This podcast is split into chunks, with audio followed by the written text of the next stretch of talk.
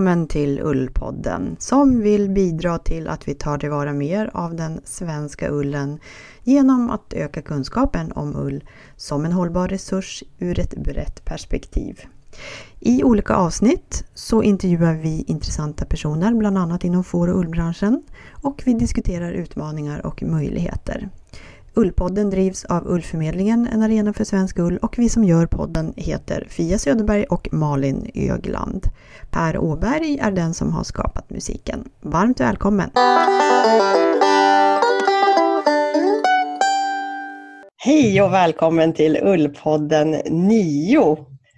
Det förra avsnittet som vi sände var ju när vi var samtidigt som vi var på fårfesten. Och det var ju lite speciellt tycker jag i alla fall, för eftersom det var ettårsjubileum för, för Ullpodden. Och det känns kul tycker jag att vi har varit eh, igång ett år. Ja men verkligen, det är ju helt fantastiskt kul och det var ju så roligt där på fårfesten för vi hade ju ett litet föredrag där vi pratade om dels om Ullförmedlingen men också om Ullpodden och eh, vad som har hänt under det här året som vi har kört podden. Och det kändes ju väldigt speciellt och roligt och lite högtidligt tycker jag. Ja, och det var ju så kul för att det var folk som, som var där som var våra lyssnare. Det var ju jätteroligt. Ja, verkligen. Och bland annat så kom ju mm, Henrietta fram till oss och sa hej. Alltså eh, Henrietta mm. som var eh, vår sponsor i förra avsnittet. Just det, det var ju väldigt roligt att träffa henne. Det är ju verkligen så med fårfesten att det är så mycket folk och så många möten som är så roliga och fantastiska. Och man pratar ju ull i, alltså i flera dagar. Det är så imponerande hur de roddar hela det här. Alla föredrag, alla utställare, alla program av olika slag och mat till allihopa och toalett biljetter och helt otroligt. Ja, och parkering och jag tror det är 15 föreningar på orten som är engagerade i hela fårfesten. Och många gör det ju ideellt. Ja, visst. Eller alla. Ja, det tror jag också. Att det är så otrolig som... uppslutning för, för Kil. Liksom. Det är så imponerande. Jag tror att det var tredje gången jag var där eh, på fårfesten och det som jag såg nu i år det var ju att det var eh, lite mera fokus på hållbarhet. Mm -hmm. Årets tema var ju förnyelse. En intressant sak på fårfesten var ju att det var, även i år var det ett sånt här B2B-möte, alltså business to business-möte. Ja, precis. Och då var det representanter ifrån olika aktörer inom eh, får och eh, ullnäringen. Det var ganska mycket folk. Ja, det var ju Svenska Fåravelsförbundet som höll i träffen tillsammans med Smart Textiles i Borås. De visade exempel på projektet som pågår i samarbete med Filippa K och de materialprover som de har tagit fram. Ja precis och det var ju himla roligt för att eh, i Ullpodden nummer två då intervjuade ju vi eh, Elin Larsson ifrån Filippa K eh, och då så pratade hon om ju att, att de var intresserade av att använda svensk ull och, och resonerade kring hur det skulle kunna gå till och så. Mm. Eh, och nu så har de ju genom det här projektet så har de ju varit och ner till Italien med svensk ull och eh, på ett spinneri där och eh, nu fick vi på den här träffen fick vi se ett, ett av de här proverna som de har tagit fram där, spinneriet. Mm. Och det var ett, ett litet svart tygprov vävt i kyper, tekniken. Och det var 78 procent ull och sen var det 22 procent polyamid i tyget. Då var det 78 procent svensk? Nej, det var inte det visade sig. Jag trodde det. För jag blev lite sådär och tänkte, ja, varför, varför blandar de in polyamid i det då? För det, det är ju också det här att eh, om man vill återanvända tyg sen i efterhand så är det så svårt när det är blandat. Ja, men så jag mejlade dem och Filippa K frågade och då, nu jobbar inte Elin Larsson där längre men hon hänvisade till Jody Everding som är Fabric and Trim Manager på Filippa K. Det här tyget som jag hade, vi fick se då, det var det, det första provet utav ett um, tyg som ska användas för ett ytterplagg. Och, det var, och då är det tydligen så att det är vanligt att man blandar in polyamid i de här tygerna för att ta ner priset helt enkelt. Aha. Så det ska bli lite billigare. Och sen var det också det som vi har hört tidigare när vi har intervjuat olika personer att det var lite svårt att um, ha den här svenska långfibriga ullen. Så de behövde ha, blanda i lite annan ull. Okay. Och, då, och, då, hade de eh, återvunnen australisk merinoull i. Mm. de um, tänker att de ska använda det här tyget till kollektionen som ska bli till hösten 2020. Med det så innebär det att de fortfarande har lite tid på sig att, att experimentera. Så, mm. så som jag förstod det i alla fall. Okay. För ambitionen är att eh, den här extra ullen då, att de inte ska behöva ha australiensisk ull utan mm. svensk ull också då, en, en kompletterande mm. svensk ullkvalitet så att det går lättare att, att mm. spinna den helt enkelt. Eh, men sen berättar hon också att eh, de har ett, ett, ett försök med ett garn mm. som ska göra en, en stickad tröja av. Mm. Och det är 100% tackull. Och den tröjan tänker de att den ska finnas redan nu till hösten. Aha. Hösten 19. Så det blir ju väldigt spännande att se. Vi har ju båda hört när Claudia Dillman har berättat om det här projektet och då har hon ju beskrivit det som att, det är, att de åkte ner också med korsningsull. Mm. Ja, precis. Mm. Så jag skulle tro att det är den ullen som man...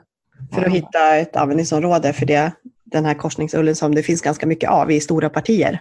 Ja, precis. Och som har kvaliteter för, för förädling. Ja, och det är ju jättespännande verkligen. Ja, vad roligt.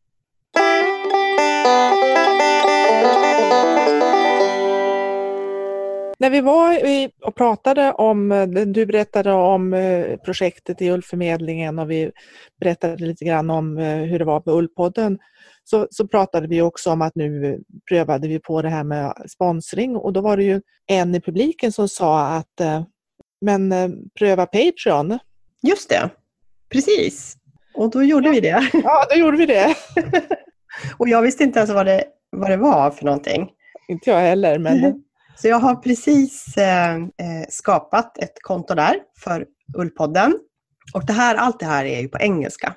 För att förklara väldigt kort då vad det är för något, för den som inte vet, så är det en plats dit man kan gå och eh, stötta olika projekt eh, med en liten summa. Till exempel varje månad så kan man lä lämna 5 dollar i månaden eller någonting sånt.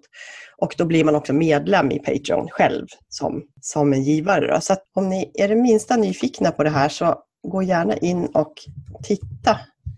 Jag ska ta fram patreon.com ullpodden. Där finns Ullpodden nu. Och då är det lite knepigt det här kanske med eh, att, eh, jag menar att det, är dollar, men då, då betyder väl det att man har ett Paypal-konto, eller hur? Jag tror att det är någon sån lösning. Jag tror inte att det är så komplicerat för den som är lite händig.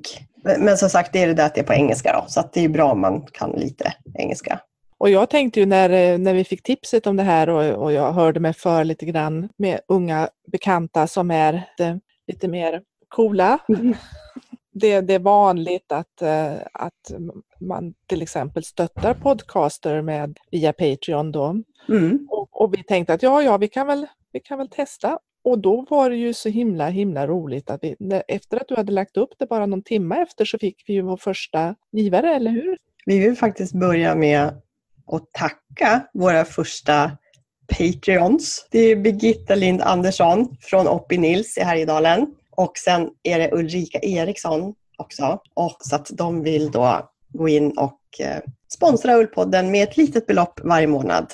Och eh, på den här sidan då så kan vi också från Ullpoddens eh, sida skriva olika inlägg och vi kan också skapa material som de som är Patreons får tillgång till material lite tidigare kanske. Det här är helt nytt för oss ska vi säga så att det, det, det är verkligen liksom en lärprocess. Men vi finns där så att är du minsta nyfiken så välkommen och kolla. Har du använt Patreons någon gång Malin? Nej, inte jag, men, eh, men alltså flera i min närhet då stöttar olika projekt då via, via Patreon.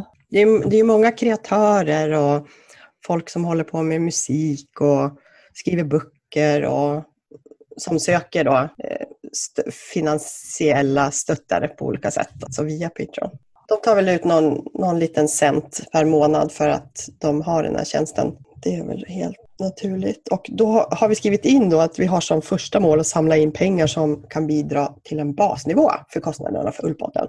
Och det handlar om att vi ska kunna betala vårt poddhotell, eh, betala lite teknik och så vidare. Och sen lyckas vi få ännu mer pengar. Då kan vi ju också göra bättre program och kanske fler program.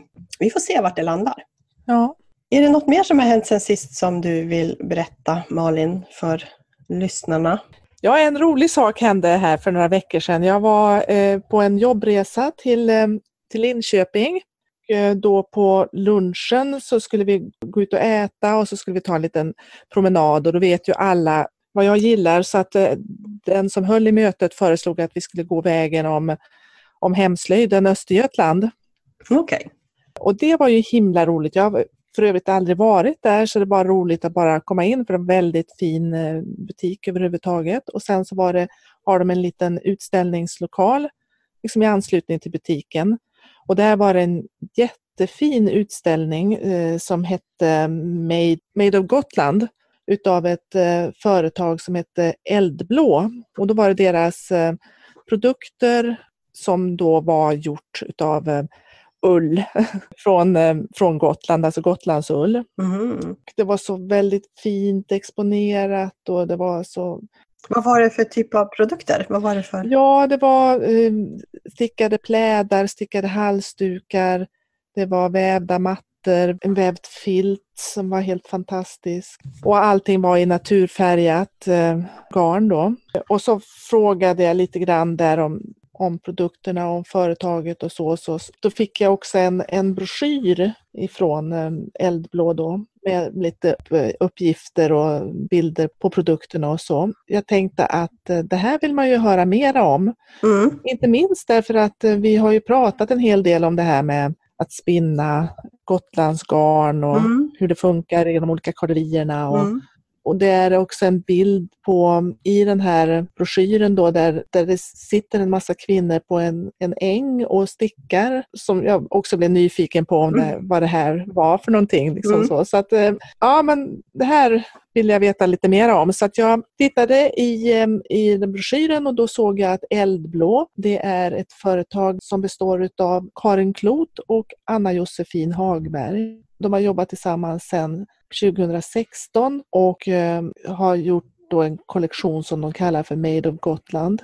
Mm. Och i den där kollektionen då så finns till exempel den här filten som jag sa eh, som heter Upp och ner och den fick eh, Formex Formidable priset People's Choice 2017 på Formex. Mm. Best in Show Prize. Ja, så jag mejlade eh, Eldblå och eh, fick bestämma en tid med Karin Klot och Ehm, här ska vi nu få höra en, den här intervjun. Mm, kul! Hej och välkommen Karin Klot! Tack och hej! Karin, du är en av två i ett eh, företag som heter eh, Eldblå. Ja, det stämmer. Kan du berätta lite grann om vad, vad det är för någonting?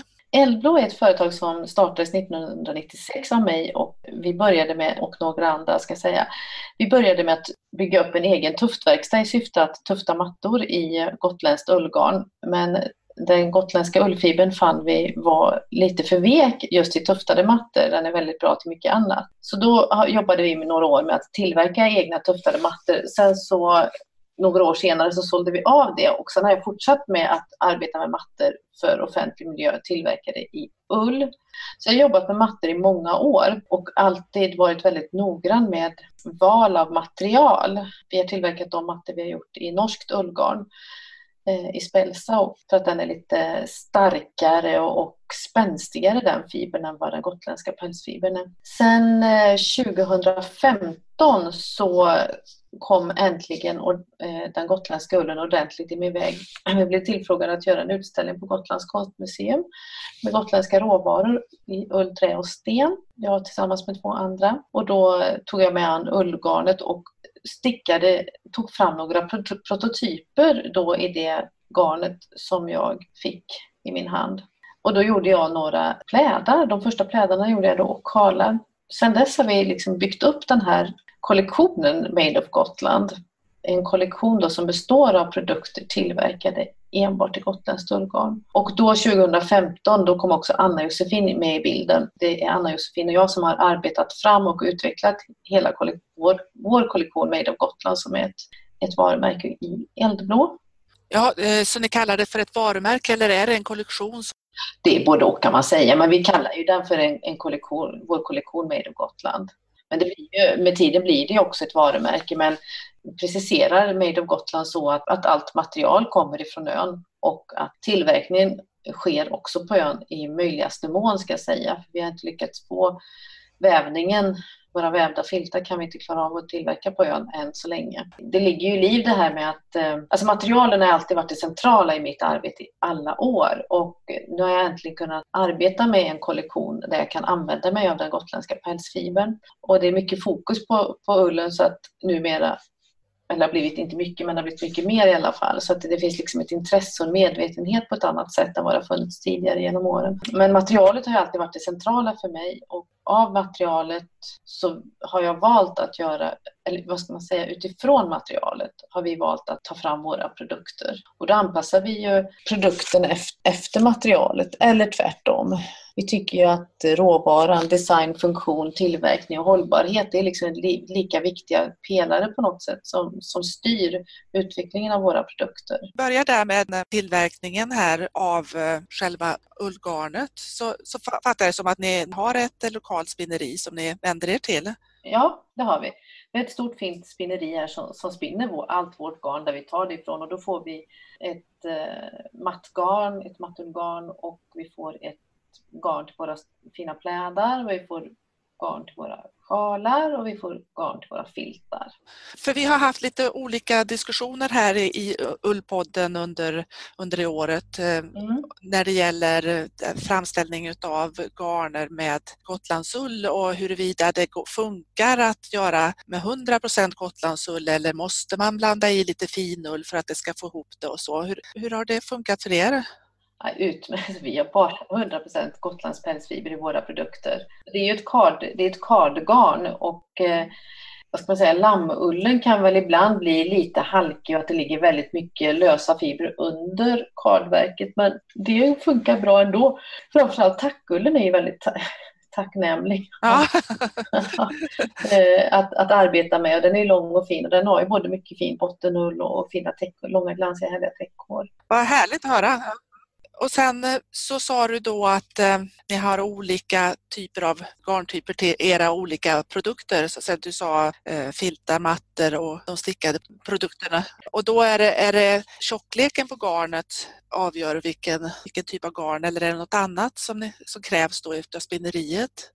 Ja, det kan man ju faktiskt säga, för det är både tjockleken såklart, alltså det, man, det fysiska man ser, men sen är det också snodden. Vi vill ju ha en ganska vill ju inte ha för hård snodd i det garnet som man ska eh, göra produkter av, sjalar och halsdukar som man vill ha mot kroppen för man vill ha det så mjukt som möjligt. Men samtidigt får inte det vara för löst så att det släpper för mycket fibrer utan det måste ju binda, binda fibrerna. Så det är en avvägning. Så där har vi hittat en kvalitet som vi tycker fungerar bra. Och likadant med, med vårt mattullgarn, det måste vara en ganska hård snodd på det garnet, mycket, mycket, vad ska jag säga, mycket fibrer i till synes så kan man tycka att vårt mattullgarn ser lika tjockt ut som vårt plädgarn. Men det är det inte för att det är mer luft i plädgarnet och en, en högre snodd, ett högre snoddantalsvarv i våra mattor. Mattgarn. Och hur, hur kom ni fram till det här då? Var det här en diskussion som ni hade liksom när ni testade tillsammans med den som har spinneriet så att ni fick dem fram och de olika liksom, uttrycken som ni ville ha? Jag skulle vilja påstå faktiskt att det är erfarenhet från början. Alltså man, man vet att man vet, eller jag vet att vi känner till att för att göra ett mattgarn så måste det ha, liksom, eh, för att det ska kunna bli ett starkt och fint mattgarn så måste man ha många snoddvarv för att kunna. Och sen har vi hittat, liksom en av, sen har vi utifrån det hittat liksom antalet snoddvarv som, som funkar liksom till de respektive garnerna. Mm. Så det är inte så att vi liksom har börjat från noll och uppfunnit hjulet utan man har en slags kontroll över ändå vad man, vad man vill sträva åt. Men helt klart är ju att vi har gjort det i samarbete med spinneriet. Där vi har önskat liksom sagt att ja, det här är lite för hårt, nu får vi ta, ner, ta bort några snoddvarv här. Och så, så har vi testat lite grann och då har vi hittat ett, en kvalitet som vi tycker passar bra för våra produkter. Och när det gäller då sen nästa steg då med själva liksom produktionen utav de här från garn till produkt. Ja, just. När jag tittar i den här eh, broschyren då så är det en fantastisk bild på när ni sitter ett antal kvinnor på stolar på ett fält med massa får runt omkring och så sitter ni och stickar där. Ja, just det. Det är fabrik kan man ju säga. är det verkligen det eller är det liksom en... Ja, men så sitter ju inte eh, de olika tillverkningsenheterna eller avdelningarna, de sitter inte utomhus. Nej, det förstår jag. Men, men det där är ju liksom mer för att jag, vi vill göra en rolig bild av, av själva tanken. Nej, vi vill ju kalla det för att vi har en, en hemindustriell tillverkning när, vi, när textilindustrin drog igång i Sverige ordentligt på 1800-talet så hade man det som man kallade då för förläggarverksamhet. Där förläggarna åkte runt i gårdarna och levererade material till de som tillverkade produkter och samtidigt som de lämnade material så hämtade de upp produkter och så åkte de runt på det och sen levererade de då färdiga produkter till grossisterna som levererade, ut det till butiker och kunder. Och det är precis på samma sätt som vi gör nu. Vi har då ett antal olika äldre kvinnor företrädesvis som tillverkar våra produkter och de tillverkar i sina egna hem. Och vi gör precis så att vi levererar material och vi hämtar produkter och sen så paketerar vi produkterna hos oss. Ja, det är fantastiskt. Ja, det är det. Och det är ju väldigt roligt för att man, vi får ju deras, de, alltså de här avdelnings, avdelningarna, jag vill gärna kalla det för det, för att eh, jag vill se på det som att vi har faktiskt en, en fabriksmässig tillverkning, även om det är väldigt mycket beroende och avvägt av de här personerna och individerna som tillverkar produkterna med ett fantastiskt engagemang och vi diskuterar ofta maskor och maskvridningar och lyftningar och hur vi sträcker och håller åt och vad vi inte sträcker och håller åt. Så det, det, är mycket diskussioner och saker som vi har löst tillsammans, verkligen när det gäller då det vävda, för det är ju också någonting som vi, vi, får, vi får ganska många frågor ifrån unga människor som, som blir jätteengagerade och som vill dra igång tillverkning till exempel utav eh, filtar och sånt. Och sen så stöter de på patrull för de hittar inget ullväveri. Vi har ju två, två typer av produkter som vävs. Det vill säga vi har en matta som är handvävd och den är vävd på Gotland. Den vävs alltid på Gotland. Och sen så har vi våra filtar som vi väver och de väv, får vi hjälp att väva i Norge i nuläget. För att vi har inte lyckats hitta någon i Sverige som har kunnat väva dem. Och det är inte, så att vi måste ju då skicka vårt garn, ganska stora mängder garn, mm. till väveriet som väver och returnerar till färdig produkt till oss. Då får vi filtar på rulle. Jaha. Mattorna de vävs alltså på Gotland, så där finns det, finns det någon eh, typ av eh, industriell verksamhet där? Det är samma sätt och det är en, eh, så att säga, en avdelning i hemindustritillverkningen. Så det är ett, ett litet väveri på södra Gotland som väver åt oss. Men det är, alltså det är ju handvävning då. I de stickade produkterna, i alla fall de här tjockare, är det entrådigt fast tjockt garn? Ja, det är det. Ja, det ser så fantastiskt fint ut. Mm. Så det, nej, men det är ett mjukt, skönt, entrådigt, tjockt, härligt garn. Har du några funderingar på det? Om du, om du visste att det fanns ett kamgarnsspinneri i Sverige, skulle ni göra andra produkter då, tror du? Det är mycket möjligt. Nu finns det ju inga kamgarnsspinnerier, det finns ju halvkamgarn. Och det är mycket möjligt att man kanske skulle kunna få fram andra kvaliteter då. Och då, då, kan man ju tänka så här att vi kan väl fortsätta göra de garnerna som vi är väldigt bra på i Sverige. Om vi nu ska frakta ull från Sverige till fastland, eller förlåt, från Gotland till fastlandet så är det en transport och det, det kanske inte är så mycket mer transportkostnad eller, eller miljö, miljöpåverkan att skeppa från Gotland till Italien där de har liksom både en befintlig industri och, ett, och en kunskap. Så det, det kan man, så man lika gärna kan skeppa det garn, det, den ullen dit. Alltså så att man tänker att vi, det är viktigt också att behålla, alltså det där är otroligt viktigt att de, att de har täckning för sina, liksom, sin tillverkning så att de industrierna faktiskt finns kvar. Och då kan jag, alltså det är mycket funderingar på det här, vad man, man kanske inte måste ha, vi måste inte ha ett kamgardsspinneri på Gotland till exempel, därför att vi kan lika gärna skicka till, till, till Italien till exempel. Eller om det hade funnits på fastlandet i Sverige, då hade vi kunnat skicka dit. Men man får ju hela tiden tänka sig för var man skickar sina vad man gör med sin ullråvara. Vad, alltså man, alla steg måste vara medvetna tycker jag. Men skulle man, tror du, kunna göra ett väldigt tunt garn utav Gotlands ull? Ja, ja, ja, ja, det kan man. Det har redan gjorts. Det har redan gjorts. Och det har gjorts för att det, det, är också, det har skickats en massa kilo ifrån Gotland med Gotlands pälsbår ner till norra Italien. Man har spunnit och, och provspunnit och det, och det är fantastiskt. Det blir ju härligt. Herregud, vilket barn. Mm. Det är ju, den är så lång och härlig den här fibern så att det blir jätte, jättefint. Verkligen. Och det här med halv, halvkamgarn, är det de här minimill som... Ja, just det.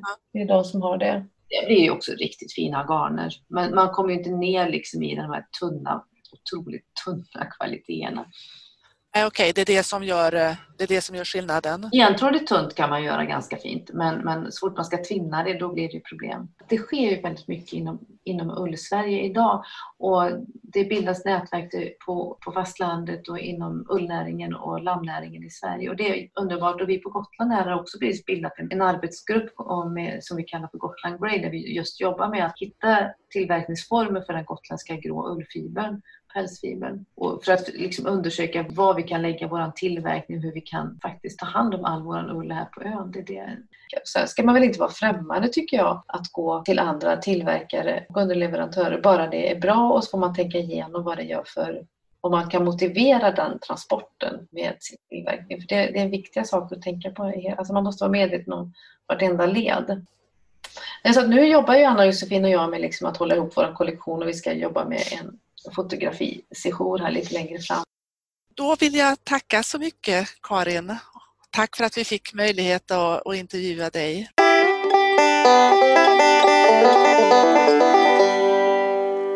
Då har vi månadens fåras helt enkelt, som är då Gotlandsfåret. Av en händelse bara? Ja, av en händelse. Gotlandsfåret är ju alltså vårt lands mest förekommande fåras. Det finns alltså 16 388 tackor registrerade i avel i Elitlam, som är då vi som bedriver fåravel är ju medlemmar i något som heter Elitlam för att man ska ha koll på släktskap och lamningar och sjukdomar och allt sånt. Så det finns ju också de som har får som inte är med där. Så det finns ju även mörkertal så att säga. Men 16 388 tackor, 30 926 lamm, det här är alltså 2018, 984 baggar i avel. De har ju alltså ett ursprung förstås från Gotland och de ursprungliga lantrasfåren som härstammar från vikingatiden, de bevarades länge på Gotland och kallades för utegångsfår. Men från 1920-talet och så framåt, man har bedrivit ett intensivt avelsarbete och skapat ett pälsfår, alltså ett får med fokus på skinnet, mm. med snyggt skinn. Och har man kallat det då för Gotlandsfåret. Sen har vi också gutefåret, men det är en annan ras. Och det är ju då ett behornat får som har ursprunglig lantraskaraktär, kan man säga.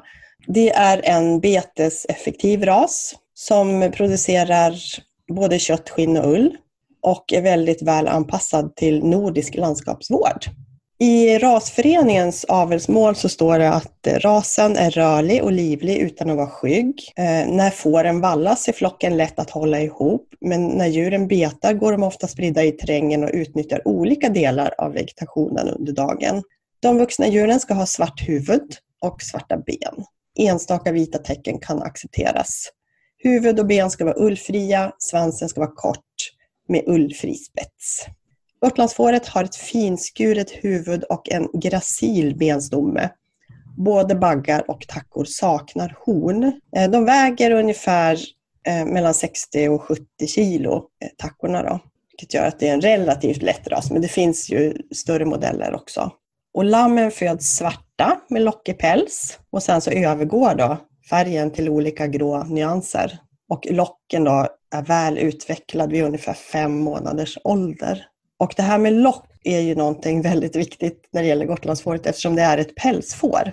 Så är det ju liksom skinnen som är i fokus. Så man tittar då på färgen på, på hela fåret, att det ska vara jämnt. Och så tittar man på locken, att den också ska vara jämn och fast. Och eh, pälshåret ska vara glansigt och spänstigt, men ändå ganska grovt.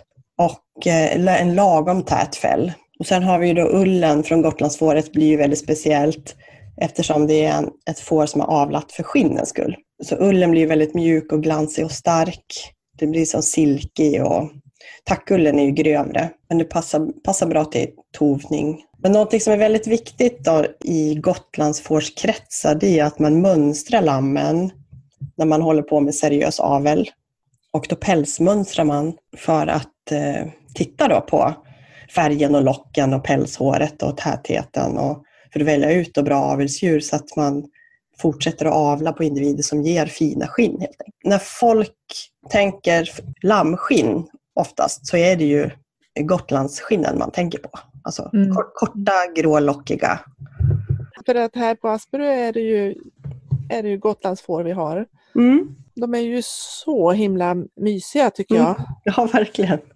Och det är ju roligt att de här, det här du sa att de eh, sprider ut sig och så. De, här är det ju liksom, de klättrar ju liksom i, i bergen och så. Och eh, i höstas här när de kom eh, från Sommarön då till hit så var det ju de småbaggarna då, de, de, de gav sig ju iväg. Alltså de, de hittade ju en väg ut ur, ur, det, ur det hela.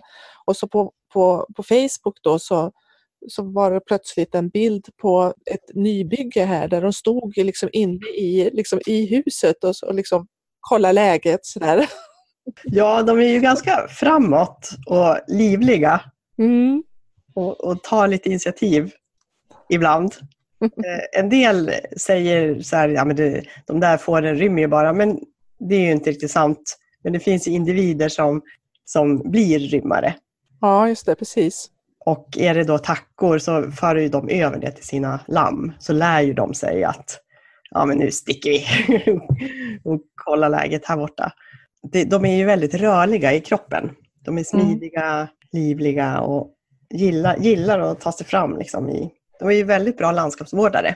Mm. Och jag tänker det här när du sa det här att man... eh, Här har vi ett norskt får som heter norsk pälsau. Ja, Och det är ju väldigt likt vårt gotlandsfår.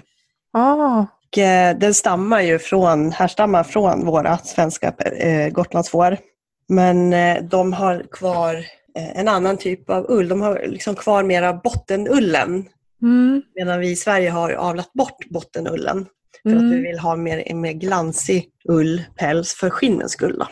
Men om man tittar på Gotlandsfårets ullkvaliteter och användningsområden så är ju ullen i sig är ganska tung kan man säga också. Den, den har liksom en hög densitet upplever jag.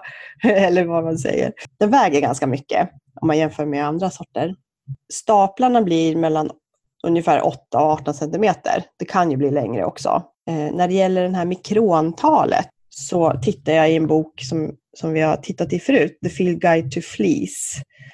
Och där så står det att eh, mikrontalet ligger från 27 mikron och plus 35. Alltså det, och det där är ju väldigt individuellt. Det kan ju vara väldigt mycket mer också. Eh, och lammen är ju finfibrigare än, än de vuxna djurens. Och färgen då, det är olika nyanser av grått helt enkelt. Det finns enstaka nästan vita Gotlandsfår också.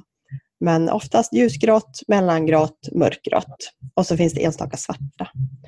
Eh, och när det gäller användningsområdet då, så är det ju en väldigt bra ull att använda till filtning. Den tovar sig ju lätt, den filtar sig lätt, filtar ihop sig. Och vi har också hört att det, det finns ju stora användningsområden för att ta fram garner också. Men den har ju extremt goda filtegenskaper. Ja, precis. Jag har tovat en del av det och jag berättade ju li- lite grann om det i förra avsnittet att jag tovade ett par vantar eh, direkt från lock. Alltså inte helt okardat, alltså direkt från fåret kan man säga. Det var nästan så att vi klippte och så gick jag hem och, och tovade. Det funkar ju väldigt bra. Alltså det är bara att tesa ullen lite grann, alltså, så ta, ta isär den lite och, och sen så, så Mm. tovar den sig. Mm. Och sen är det ju många som eh, har lite större produktion som kanske gör, sitt, sitt, som gör sittdyner och eh, skosulor. Så, så lämpar sig den ullen väldigt väl för sådana användningsområden. Och även för produkter inom till exempel hästnäringen som underlägg till, till sadlar och selar och alla möjliga delar på, på hästarna. Så det finns ett väldigt stort användningsområde för Gotlandsullen Mm som delvis är underutnyttjat eftersom det är också den ullen som vi har så väldigt, väldigt mycket av. Ja. Och, och särskilt på Gotland då. Ja, och det var ju kul att höra det här från Karin Klot. Eh, Hon berättade det här eh, att man har gjort försöket av att eh, spinna i kamgarnspinneri Just och att det blev liksom nästan som en mohairliknande kvalitet utav det. Ja, ja, det låter som den har väldigt liksom, eleganta möjligheter också. Så, Ja. eller hur man ska uttrycka ja. sig. Ja, precis. Ja, Potential. Ja, Gotlandsfåret är ju väldigt populärt internationellt. Både för de fina skinnens skull, Men också för den här ullens skull. Eh, ja, då menar du färgen, eller hur? Ja, både färgen och liksom karaktären på alltså lockarna. Det är ju väldigt många hand, hantverksmänniskor som köper Gotlandsullen i mindre partier för att de, de blir helt förälskade i, i de här lockarna. Men det är väl också, det är väl både färg och, och liksom kvaliteten, att den är ganska unik internationellt sett. Ja, jag har förstått det som att det inte är så vanligt med, med grå, gråa får, alltså grå ull. Nej. Att det, är just den här, att det finns inga andra gråa. Nej, just det. Den kallas ju för Gotland Grey. Ja, just det. Och det var det de skulle kalla det här, kallade det här nätverket. Så den grå, den grå färgen är gångbar internationellt och, och det ska vi ju ha med oss för att jag tycker när vi pratar om Gotlandsullen så pratar vi ofta om den som ett problem. Att mm. det finns ett sånt enormt överskott och vad ska vi göra med den? Och eh, den hamnar i högar i, i skogen. Liksom. Ja. Som Ullkontoret brukar säga, som är Nordens enda tvätteri som ligger på Gotland, är att de har börjat samla in Gotlandsull och tvätta den. Men de menar ju att de har liksom flyttat problemet från skogen till att det nu ligger i balar i deras, alltså tvättad ull i balar i deras hallar. Och sen vill ju de kunna sälja vidare då, i större partier. Det har mm. liksom, efterfrågan på den har inte riktigt kommit igång än. Men vi kan väl ändå se, se att det kan finnas en enorm potential. Vi får sluta och, och prata om det, eh, det nya svarta. Nu är det det nya grå som gäller. det nya grå, ja precis.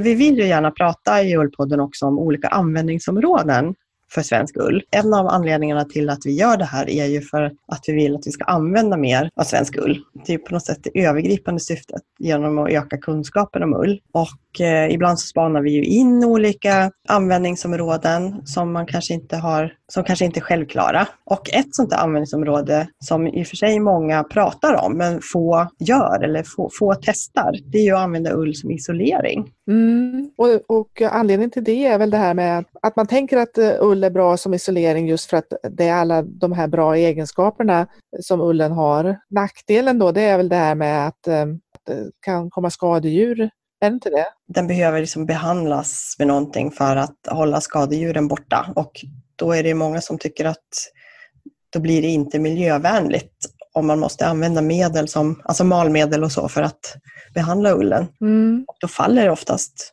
på det.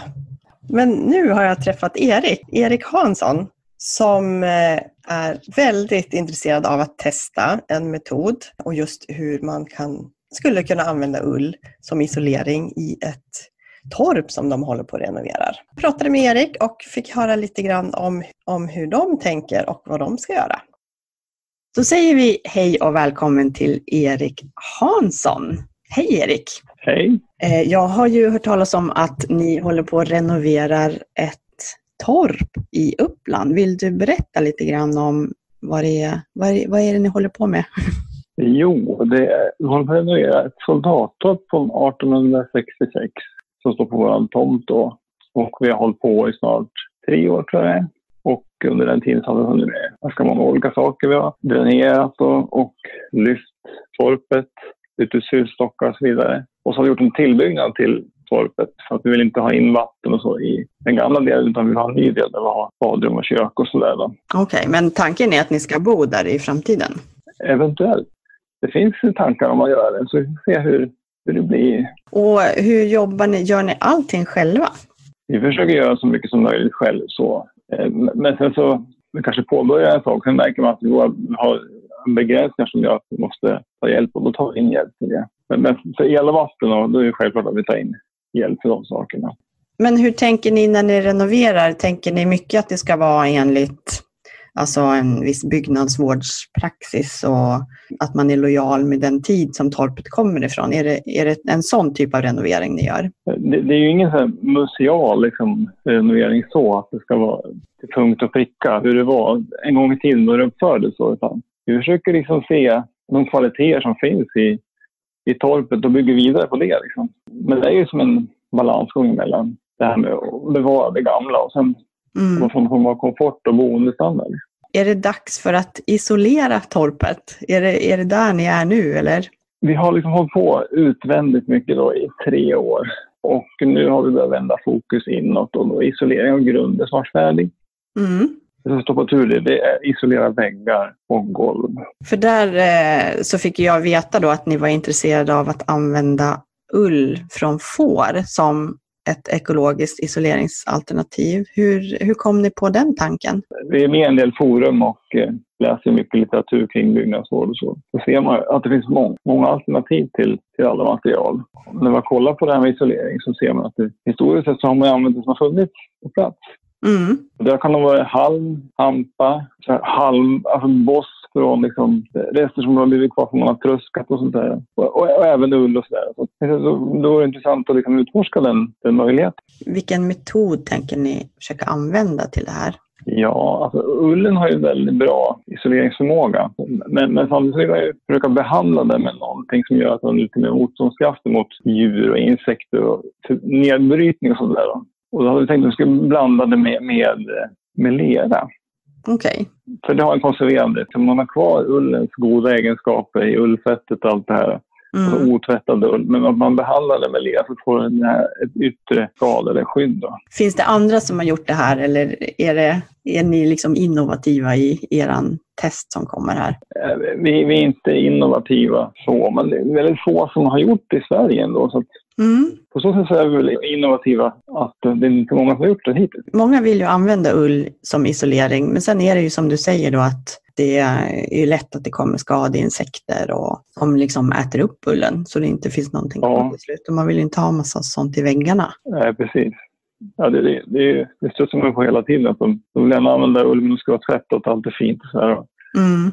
Eh, eller om man köper färdiga ullskivor då, eh, i handeln. Och det är ju jättebra, men många gånger så alltså, de är så bearbetade och processade så att mycket av de här ursprungliga egenskaperna har försvunnit i det. Och så har man tillsatt medel för att skydda mot brand och mögel och sånt där. När man har en så bra råvara från början så varför liksom krångla till det? Ja, det känns ju som att det finns ett väldigt stort område att utforska det här med ull som isoleringsmaterial. Ja, det tror jag verkligen. Gör det något om den är smutsig? Ja, det, det borde inte göra det. Alltså, så länge man får den här skyddande hinnan av, av lera då. Man, man lär ju rensa bort alltså, rejält smutsigt och Mm. bajs och sånt där eftersom det tillför näring då till isolering. Det vill man inte, gärna inte ha i väggarna kan jag tänka.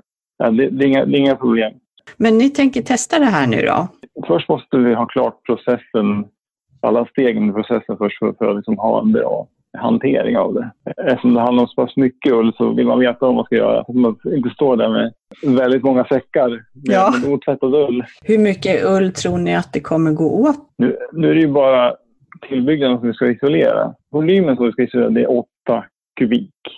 Mm. Och eh, när man, när man trycker ihop ullen, när man kompakterar den så blir det ungefär eh, hälften kvar. Så det är ganska mycket. Och det, det är ju det är mycket ull om man ska isolera allting där. Mm. Det kanske handlar om 13-14 kubik. Men hur gör ni då? Tar ni fram en liten test och så en, som en prototyp? Vi har ju en liten mängd ull hemma redan som vi ska prova med. Så kan man se vilka, vilka steg det är i då. Som eh, rensning av ull och sen så vill man hitta rätt konsistens på, på lervälling och sånt där.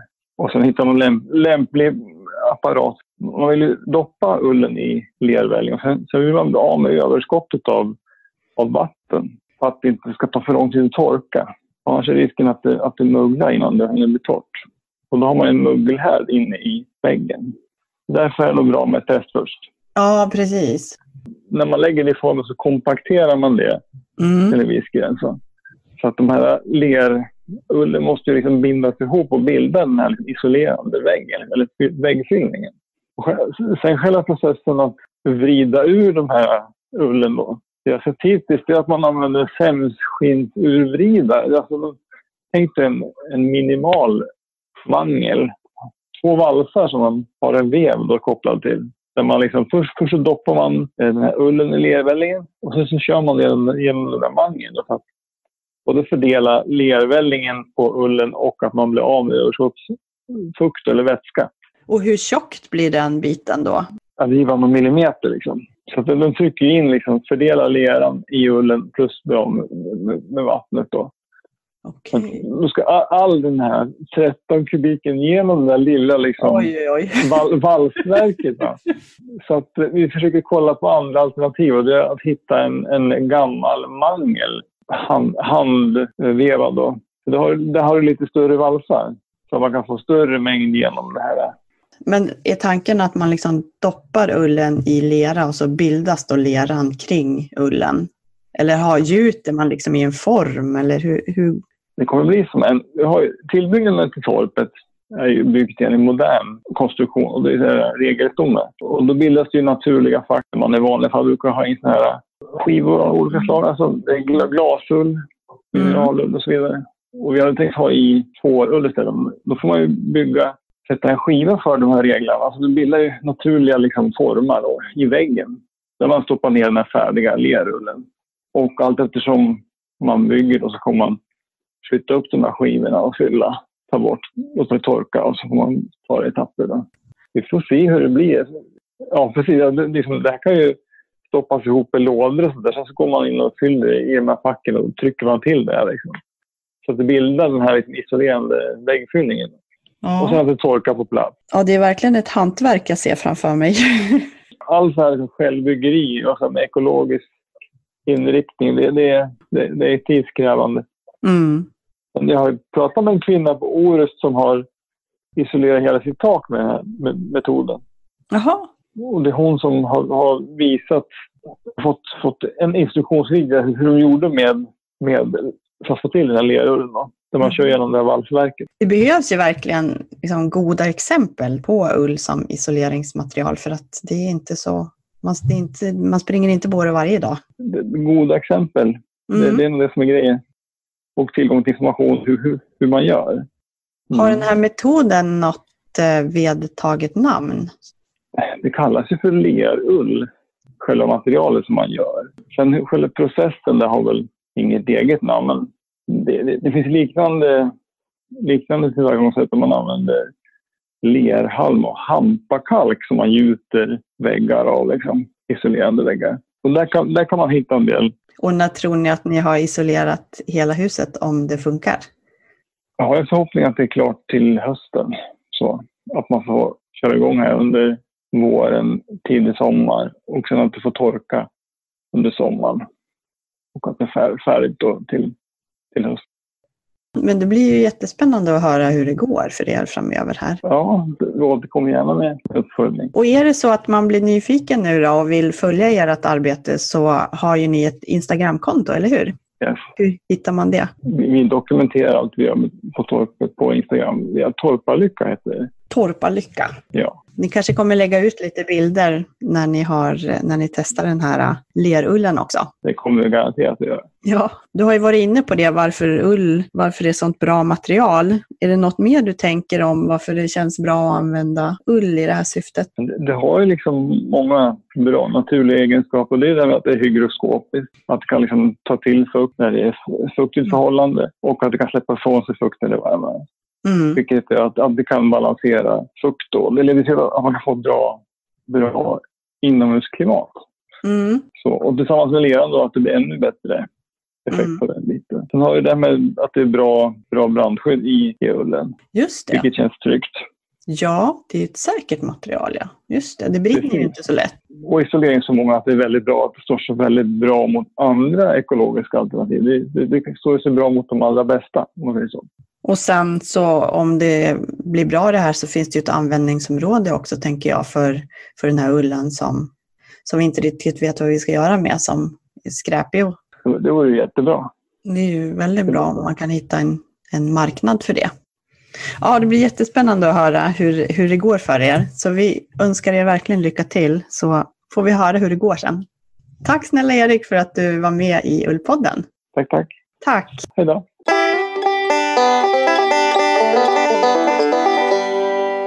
Ja, det här var ju himla roligt att, att få höra det här och man önskar ju verkligen, det ska bli kul sen att du, om du hör av dig sen att man får höra lite mera hur det Mm. verkligen har gått för honom. Absolut. Tålamodiga de är och ändå målinriktade Ja, i sitt arbete. Och jag kommer ju följa upp det här och försöka göra ett besök också för att se hur de har jobbat med ullen. Eh, han pratar ju om 13 kubik ull. Ja, som, som ska pressas ihop i några millimeter. Ja, ja det blir verkligen intressant att höra resultatet av, helt av otroligt. det arbetet.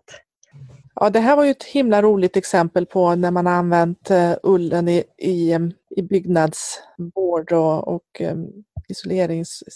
Det har man ju inte hört så himla mycket om. Eh, dä- Däremot så hör man ju titt som tätt om det här med att använda ull i, Odlingarna, ja. ja just det, att använda ull i, i trädgårdsodlingar och, Mm. och så. Ja, det har ju verkligen ökat intresset eh, kring det. Och du la ju ut en, en fin eh, film på, på Ullpoddens sida. Ja, precis. För Sara, Sara Bäckmo som många känner till, alla som håller på med odling känner ju säkert till henne, som nu testar hur, hur det funkar att använda ull i sina täckodlingar. Och då är det ju inte för att dämpa ogräset i första hand, utan det är ju för att skapa en så god miljö som möjligt i den jorden som, där växterna då ska växa. Eftersom ullen då andas och både värmer och kyler av, liksom, så skapas det en härlig liten restaurang där för, för jordens maskar och grejer. Så att det, det blir också intressant att följa hennes experiment för att hon säger att det finns inte så mycket dokumenterat och skrivet om hur man kan använda det här materialet i, i trädgården. Så hon kommer fortsätta att utforska det. Så det kommer vi också följa, följa upp. Och, eh, och det är också ett jättebra sätt att använda ullen som, som är så pass skräpig och smutsig att den är svår att förädla.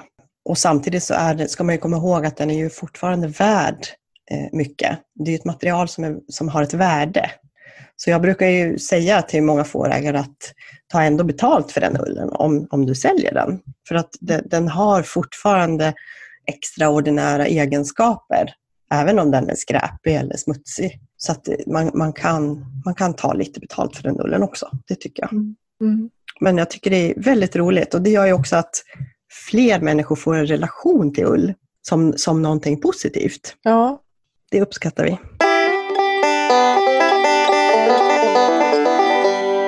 Vi kan väl inte liksom ha ett eh, avsnitt med Ullpodden så här på vårkanten utan att prata om lammen. För visst är det väl så att du är, du är mitt uppe i lamningsperioden nu? Ja, men den har börjat här för någon vecka sedan. Så nu hoppar det och skuttar några lamm i lammhuset. Ja. Ja, det är ju en intensiv period men väldigt, väldigt rolig också.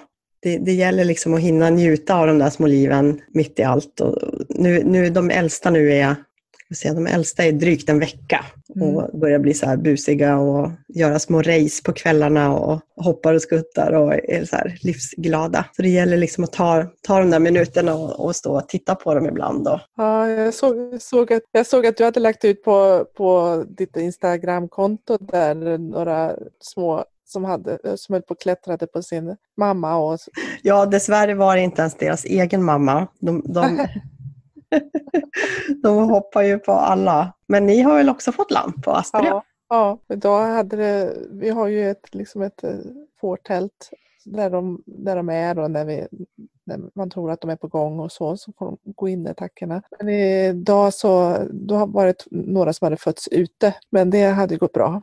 Det är egentligen deras normala att, att föda ute, där de också Ja. har mera utrymme och kan gå undan och så. Ja, Nackdelen är att man har mindre koll på dem. Det finns ju också de som har lamning senare och som, där de får lamma ute på bete. ja, Juni till exempel. Det är allt har sina för och nackdelar. Men det är ju många där ute som, som är mitt uppe i lamningstider nu. Ni fårägare som lyssnar. Så kämpa på där ute. Ni får lyssna på Ullpodden medan ni jobbar och står och vakar och väntar. vi har ju fått många trillingar här också. Ja, ni har det? Mm. Ja, för det är ju flera som har sagt att, att det blir många lamm i år. Ja, På grund av sommaren då. Inte själva sommaren, det var ju en hemsk torr sommar. Men sen när det väl började växa då, på hösten, så blev ju betet så näringsrikt. Vilket kan bidra till att eh, tackorna släpper flera ägg vid betäckningstillfället. Så att det blir fler lamm helt enkelt. Det blir som en boost. Men det, det har ni märkt alltså? ja det verkar så. Ja. För det bästa är att få två tycker jag. Då vet man att då klarar de sig bäst. Men då ska vi börja avrunda det här avsnittet och tack alla ni som har lyssnat. Tack Malin Och Tack Fia. vi hörs nästa gång i början på juni. Det gör vi. Tack så mycket, ha det så bra. Ha det gött. Ha det gott, hej! Hej! Avsnitten hittar du på www.ullformedlingen.se och du kan också följa vår Facebook-sida Ullpodden där vi publicerar länkar och bilder som anknyter till det som vi har pratat om. Ha det så bra, hej då!